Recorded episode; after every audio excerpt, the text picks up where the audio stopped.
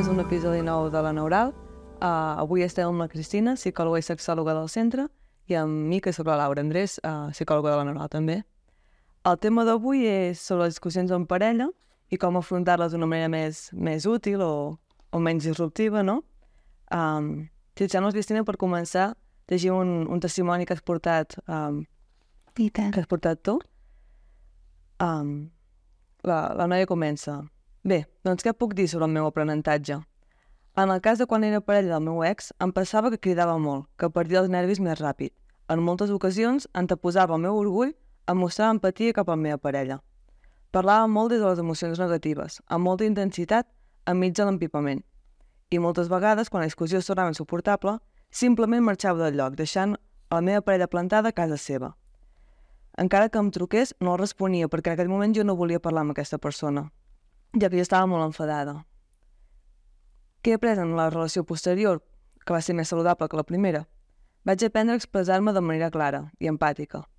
Si ara no vull parlar o no puc en aquell moment, perquè jo tinc un caràcter molt fort i quan m'enfado sento les emocions molt intensament, tant les positives com les negatives, um, quan estic molt bé sento la felicitat molt intensament i quan estic molt malament o molt enfadada, aquestes emocions eren molt intenses amb, allò, amb tot el que allò comporta.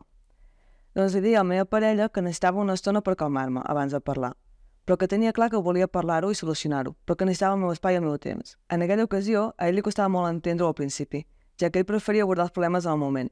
No obstant, amb el temps i la confiança, quan teníem alguna discussió, que eren poques vegades, ja que teníem una bona comunicació i era important per nosaltres parlar les coses, vaig aprendre que era crucial abordar les coses de manera immediata.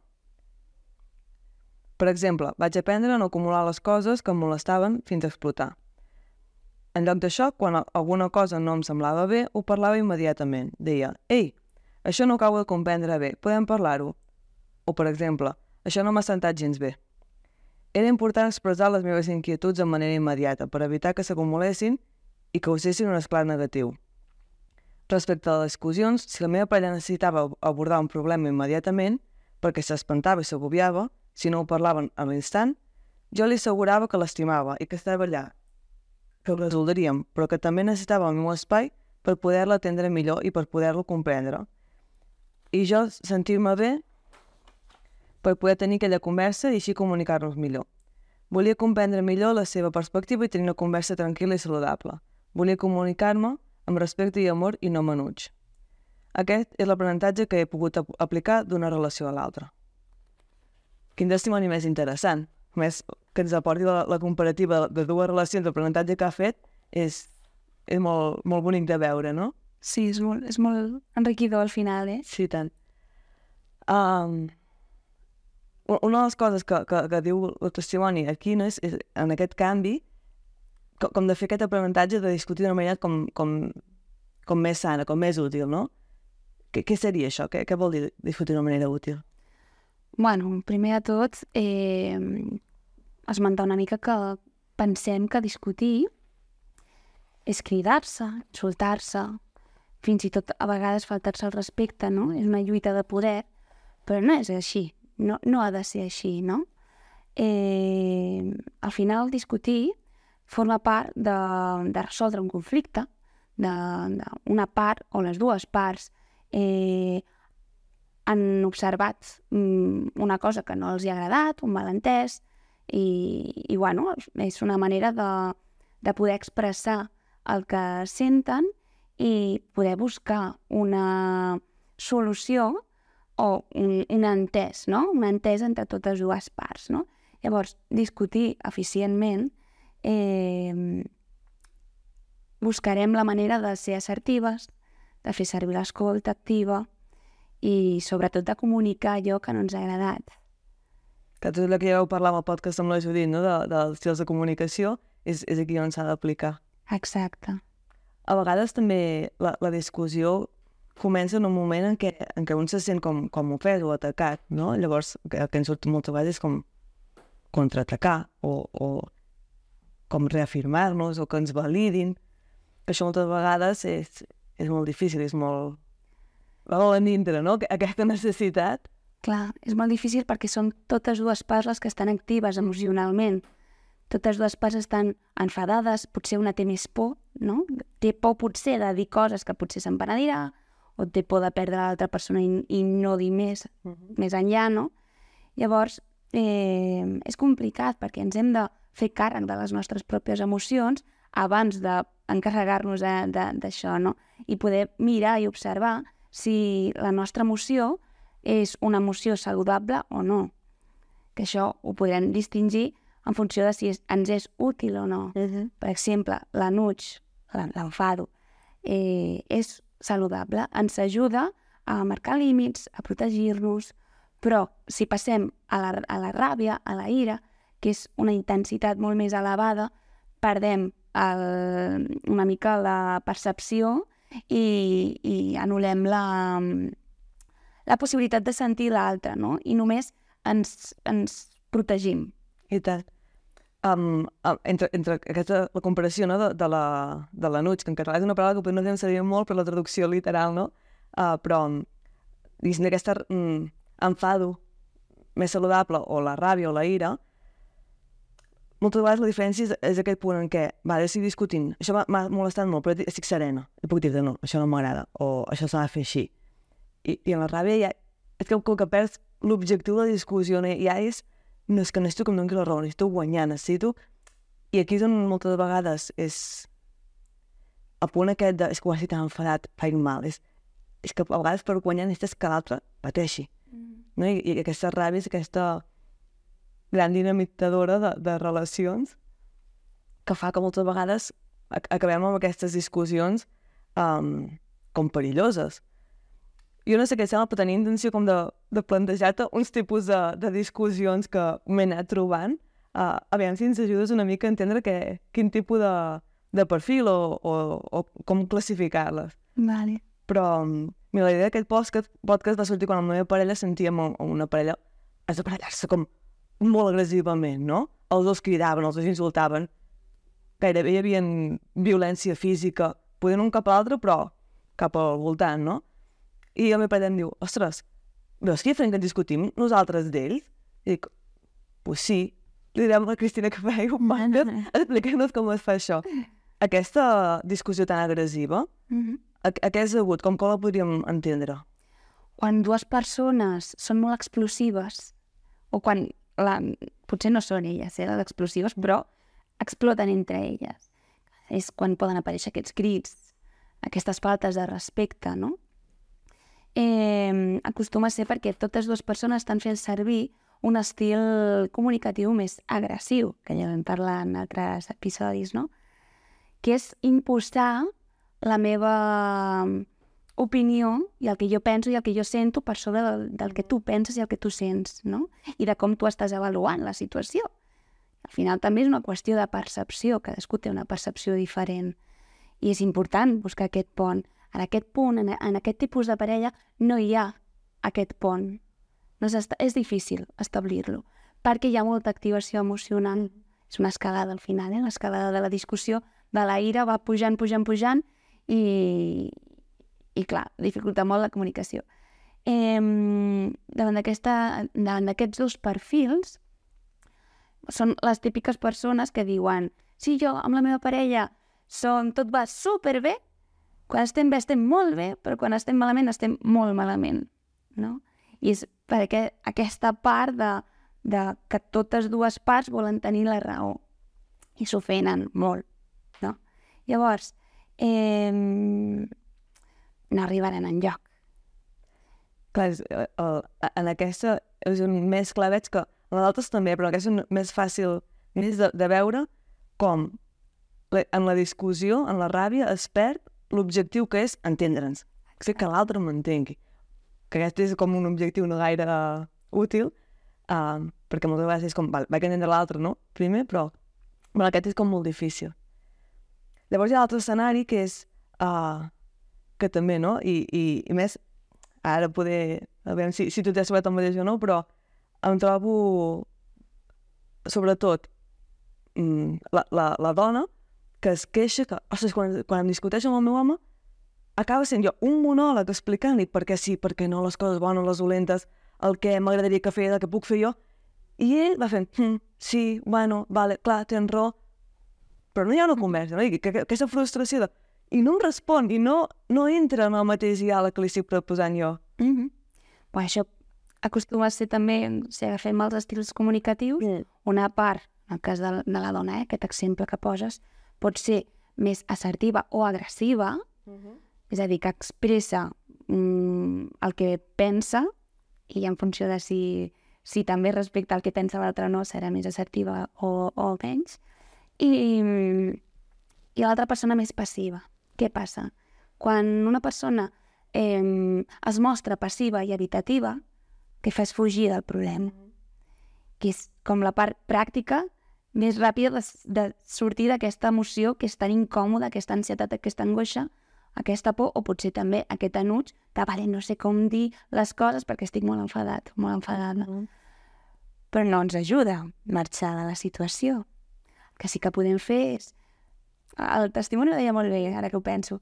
Em, poder establir, primer, conèixer, identificar cadascú com ens enfrontem en les, amb, amb els conflictes, amb les discussions, i llavors buscar un equilibri, aquest eh, tema en concret, amb el temps. Vale? Doncs potser ara no és el moment de parlar perquè estic molt angoixat estic molt angoixada, però no podem deixar-ho per més tard. O, o per més tard sí, perdó, però no deixar-ho passar i que es quedi obert. I que passi, si podem evitar també que passi una nit Uh -huh. o, o dies, seria l'ideal, no?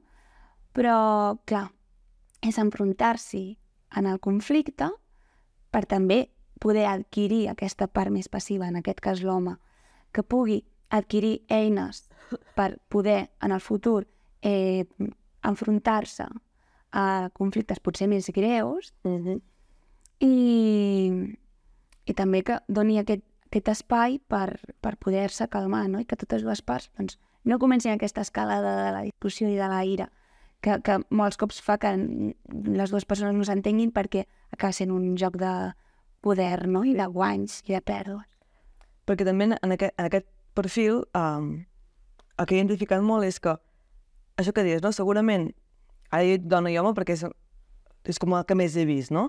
Però diguéssim, el perfil més actiu comença com molt assertivament i al rebre uh, poca resposta del, del perfil més um, passiu es va com enfadant, no? I acaba com molt agressiu i com més agressiu es va tornant aquest, més bloquejat està l'altre, no? Llavors, això que dius, poder trobar aquest punt en què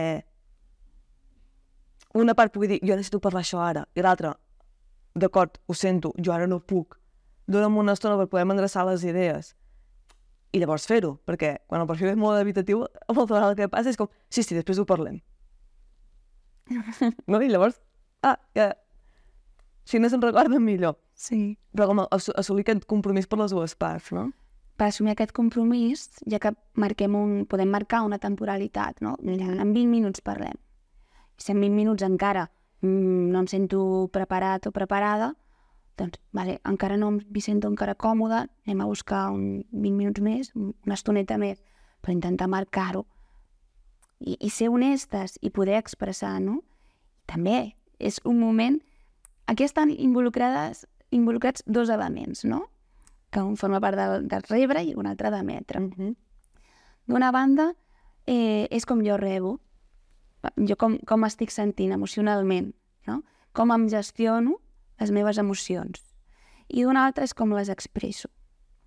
Si no estic, com comentàvem abans, si no estic eh, des d'una emoció més saludable i, i és més enuig, ansietat, por, eh, serà molt més complicat eh, poder emetre un missatge assertiu o enfrontar-me. També hi ha una altra part, i és que eh, dins, de, dins del, del moment de la discussió, si una part marxa, no està mm, parlat, no està eh, programat per tots dos, no està pactat. Això. Si, si no pactem el temps i tu decideixes deixar de parlar-me i jo em quedo amb, amb les ganes de, de parlar, perquè per mi també és una necessitat, sento que és una necessitat, no vol dir que ho sigui, eh, però jo sento que tinc aquesta impulsivitat i, i vull fer-ho. I l'altra persona, no, no, jo la meva resposta és marxar corrents. Vale, doncs anem a pactar, no?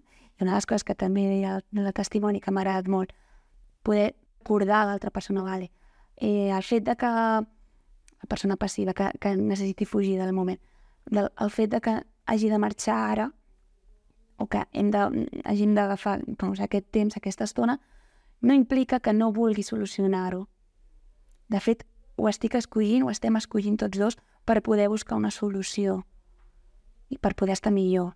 Mm. Que això és, un exemple tant per les persones quan necessites aquest espai, aquest temps, com a passiva, o quan tens aquest, aquesta explosió d'emocions de, vale, no puc, millor em, em calmo, em relaxo, perquè si no diré coses que m'empenediré. Clar. Això que estàs parlant ara, en, en... bueno, en el fons és la, la responsabilitat efectiva, no? El fer-se càrrec cadascú de les emocions que sent, de les interpretacions que fa del que s'ha dit en l'altre. Ens pot explicar una mica què és això de responsabilitat efectiva i, i, i com aconseguir-ho? Vale. Doncs la responsabilitat efectiva respondria també a um, poder expressar les coses respectant l'altre i tenint cura de les emocions de l'altre. Hi ha una part que és el, com jo rebo les coses, que és responsabilitat meva, Uh -huh. tu no em fas sentir d'aquesta manera, tu no em poses dels nervis, em poso jo dels nervis. Uh -huh. Si no, tothom ens posaríem dels nervis davant de la mateixa situació, no? Però sóc jo, la que al final decideixo per la, com jo estic interpretant la situació. Potser em sento amenaçada, potser sento que no m'estàs respectant, que no vol dir que sigui el que tu vulguis ser, no, no vol dir que aquesta sigui la intenció, per això parlem de percepcions, però és com jo ho estic interpretant. Doncs intentar mm, que l'altra persona rebi el que tu li estàs dient de la, de la millor manera possible, tenint en compte que aquesta persona també ho rebrà en funció de... de és seva la responsabilitat de com rebrà aquesta, aquest missatge. Eh, tenim molta cura, no? I hi ha una cosa que m'agrada molt explicar, que també forma part de la responsabilitat afectiva, i és que eh, fer servir la sinceritat, però no el sincericidi. La sinceritat, al final, eh, és dir una veritat, ser honesta, però d'una manera constructiva. El sincericidi és fer un homicidi, dir una cosa que, que no cal, que, que pots fer mal a l'altra persona i que, a més a més, no anirà en lloc. Hi ha coses que no calen dir, no? No, no, jo dic el que penso, bueno, però mesura també les teves paraules. Sí, sí. Eh, Això, no? La, la sinceritat, quan aporta, fantàstic, o, o, bueno, o sigui, com la sinceritat l'hem de tenir sempre, no sé com dir, com un ingredient importantíssim a les relacions, però, però hem de respectar també l'altre, no? Mhm. Perquè t'has engreixat. D'acord, és veritat, i d'acord, ho has pensat. Cal? O sigui, m'estàs respectant, no m'estàs aportant res. Mm -hmm. Sí, aqu aquesta diferenciació, no? El, el, en tenir en compte l'altre. Perquè ara deies això, i una de les coses que em venia al cap és ostres, és tan fàcil fer servir com a excusa el, és que ets tu que ho estàs interpretant malament, Mm -hmm. no? Perquè a, a mi m'ha passat a vegades aquí a, a teràpia que pas tota l'explicació de la responsabilitat emocional, de com tu interpretes, de que mm, ets la teva, és com el, teva, el teu sistema de creences que fa que allò et faci sentir amenaçat. I llavors em tornen que, clar, és que tu vas dir això, jo li, jo li deia d'aquesta manera i és ella que s'ho prenia malament, o és ell que s'ho prenia malament. M'entens? Clar, per això és tan important també dir les coses i tampoc, mm, com dir-ho, validar les emocions de l'altre. És molt important validar a l'altre també, no? Perquè podem pecar de no fer-ho. O de donar consells en el moment pràctic. Sí, però... Eh, com diuen? Doncs no estiguis enfadada, no estiguis trista. bueno, estic trista o estic enfadada, deixa'm una estona. Mm. Això també és responsabilitat afectiva, no? Donar aquests espais i validar l'altre. I, i no escudar-nos en la responsabilitat efectiva per fer mal impunament, no? Mm. Si jo et dic alguna i a mi, no? Si tu em dius alguna i a mi m'ha sabut greu, d'acord, a mi m'ha sabut greu, però, però això no vol dir que, que tu tinguis carta blanca per dir-me el que sigui i dir-m'ho malament, allò que dèiem, no? Tu que, que ens hem de fer càrrec de com rebem les coses, però també de com les diem. Bueno, és que aquí al final realment és una responsabilitat emocional, que és com jo m'agafo les coses, i responsabilitat afectiva, que és com jo Això mateix. que, que dins de la responsabilitat afectiva entra eh, l'eina bàsica és la- l'assertivitat, no? Explicar les coses des de com jo em sento, perquè tu no t'ho has dit malament, intentar no globalitzar, no dir, no, no condemnar la persona per una cosa que ha fet malament. Eh, Laura, és que ets una marrana perquè estan brutes les, les sabates. Mm, pots dir, tens les sabates brutes, estaria molt bé que les netegessis. En comptes de dir que ets una marrana. Uh No? T'estic condemnant a tu en comptes de, de la teva conducta. Bueno, això és un, un, un mal exemple, eh? Sí, no, però bueno, ha quedat, s'entén. De fet, ara has anticipat a la que volia ser com la, la pregunta final. Um, com ho podem fer per sortir d'aquests estils de discussió i per tenir aquesta responsabilitat? Quines estratègies tenim? Vale. Bueno, d'una banda, el temps fora, que dèiem abans, que el temps de, per tots dos, un moment, ens, ens relaxem, està l'escolta activa, escoltar sense jutjar, perquè tothom vol, volem ser enteses, però no, no ens escoltem. Jo, jo vull que tu m'escoltis, però no t'estic escoltant. Llavors, mm, és difícil mantenir una conversa perquè no... Conversa, una discussió, un, un, un conflicte, no? Perquè no, no s'estan escoltant a l'altra part. Eh, fer servir diferents eines, estratègies com la, la que deia de globalitzar, la, no parlar de pols, no, no polaritzar, per exemple, quan parlo de polaritzar parlo de freqüència. Uh -huh. És que sempre ho fas tot malament. És que mai em fas cas. És que sempre vols tenir la raó. Intentar parlar de termes més... Eh, que no siguin absoluts. Perquè si jo et dic sempre vols tenir la raó, potser tu em diràs no sempre, perquè l'altre dia... No? I ja estem desviant-nos de, de, de la discussió del problema objectiu, no? I ens estem defensant. Ja no estem treballant en comú per millorar aquesta, el que ha passat, sinó que ens estem atacant. Ens hem de defensar, o sentim que ens hem de defensar. Què més? L'assertivitat, evidentment, és una eina imprescindible i... Però això que vas dir també, que m'ha vingut, eh? Un... e- És algo que a mi m'ha funcionat, no sempre, però en el moment que detecto que la discussió està passant de buscar la solució ah, perquè li veig a la meva parella o perquè m'ho veig a mi, eh? Ah, va, tu estàs intentant tenir la raó ara. Prenem, no? Com recordem que ens hem anat aquí a parlar del que, que si mai, que si sempre, i estem discutint gairebé com de, de discussions lingüístiques de què vol dir sempre, no? I que estàvem mirant és que aquí, si el renaplat s'havia tret o no. Exacte. Bueno, per això a vegades és identificar, ei, moment, des d'on ho estic fent, no? Fer un exercici d'autocrítica. Per què estem parlant això? Mm -hmm. És perquè jo vull tenir la raó? És perquè em fot que faci això i vull que ho deixi de fer? Anem a veure què és el que està passant amb mi, també observant l'altre, però és, jo crec que una part imprescindible és que totes dues parts eh, es facin càrrec i tinguin aquesta motivació de voler millorar la, la manera de comunicar-se durant els conflictes i durant, durant les discussions. Que pugui ser una cosa productiva i que en el futur ajudi a, a fer-ho més fàcilment, no? Que, ojo, també hem de tenir en compte bueno, el moment, és a dir, discutir per WhatsApp, per telèfon, no és la millor manera, hem d'escollir el moment. Si tu vas a treballar i queden 5 minuts per estar aquí amb mi, no començaré, no et diré mm, l'altre dia vas fer això que no em va agradar gens, perquè no és el moment, no tenim un espai, no? Que ja entren en joc doncs, com ho comuniquem, el moment, els gestos, no? la comunicació no verbal, que ja ho hem comentat en, en anteriors capítols, i... però hem d'anar molt en compte, això, que no vull que em marxi perquè és molt important, quan una relació és abusiva. Podem millorar la comunicació, és una oportunitat, és passar de discutir a una oportunitat d'aprenentatge. Mm -hmm. Però quan estem fotent-nos el respecte amb insults, que podem fins i tot passar amb les mans, manipulacions emocionals, xantatges, amenaces, si, si no es pot tallar, vull dir, si, si la persona no es fa càrrec del que està fent i demana perdó però ho torna a fer, la recomanació eh, més eh, útil serà una teràpia, que es treballa aquesta persona o treballa totes dues persones a teràpia de parella, directament si és abusiva, tallar vincles. Sí, no, aquí ja parlem, passem com, com una categoria um, no com de, de gravetat superior. Mm -hmm.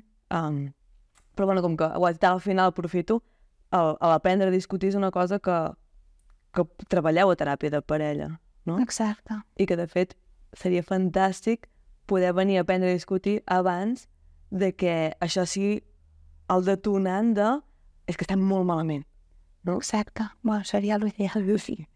Arriba normalment la gent, en ja estic molt malament, l'últim cartutxo és teràpia de parella, però... Sí. Però seria molt, molt preferible que poguessin venir abans, perquè si no hi ha, hi ha moltes cosetes, és un procés Mm -hmm. I es pot aconseguir, però és, és, es necessita més paciència per part de les persones implicades. Però bueno, és una eina que està aquí, disponible, a la teràpia de parella, que ajuda a veure les coses des d'una altra perspectiva i, a més a més, ajuda en les situacions específiques eh, pròpies de la parella a millorar també observar patrons de comunicació apresos i poder també deconstruir-los i construir uns de nous que, que ajudin no? a la millora de la parella. I tant. Fantàstic. Moltes gràcies, Cristina. Ah, no sé si ens podries recomanar uh, algun llibre, alguna pel·lícula, alguna per com ampliar tot aquest coneixement que ens has donat avui. pues, aprofito, que és la recomanació que, que acostumo a fer als meus pacients, i és el llibre de M'estimo, t'estimo, de Guia per Relacions Sanes, de Maria Esclape, Sí? que és, bueno, és un imprescindible. Eh, no només parla de comunicació, parla de relacions tòxiques, parla d'aferrament, de vincle, parla de... És, és per analitzar-se una mateixa i també pot ser fins i tot un bon exercici per fer en parella de llegir el llibre junts. És molt a- amè, es pot anar llegint mica en mica, capítol a capítol, i, i crec que és una manera molt productiva d'aprendre a, a, a millorar la relació de parella en general i a millorar com tu et relaciones individualment amb la parella i amb altres persones. Fantàstic. Doncs moltíssimes gràcies. Uh, gràcies a totes per haver-nos acompanyat fins, fins aquí i ens veiem en propers episodis. Moltes gràcies, Laura. A tu.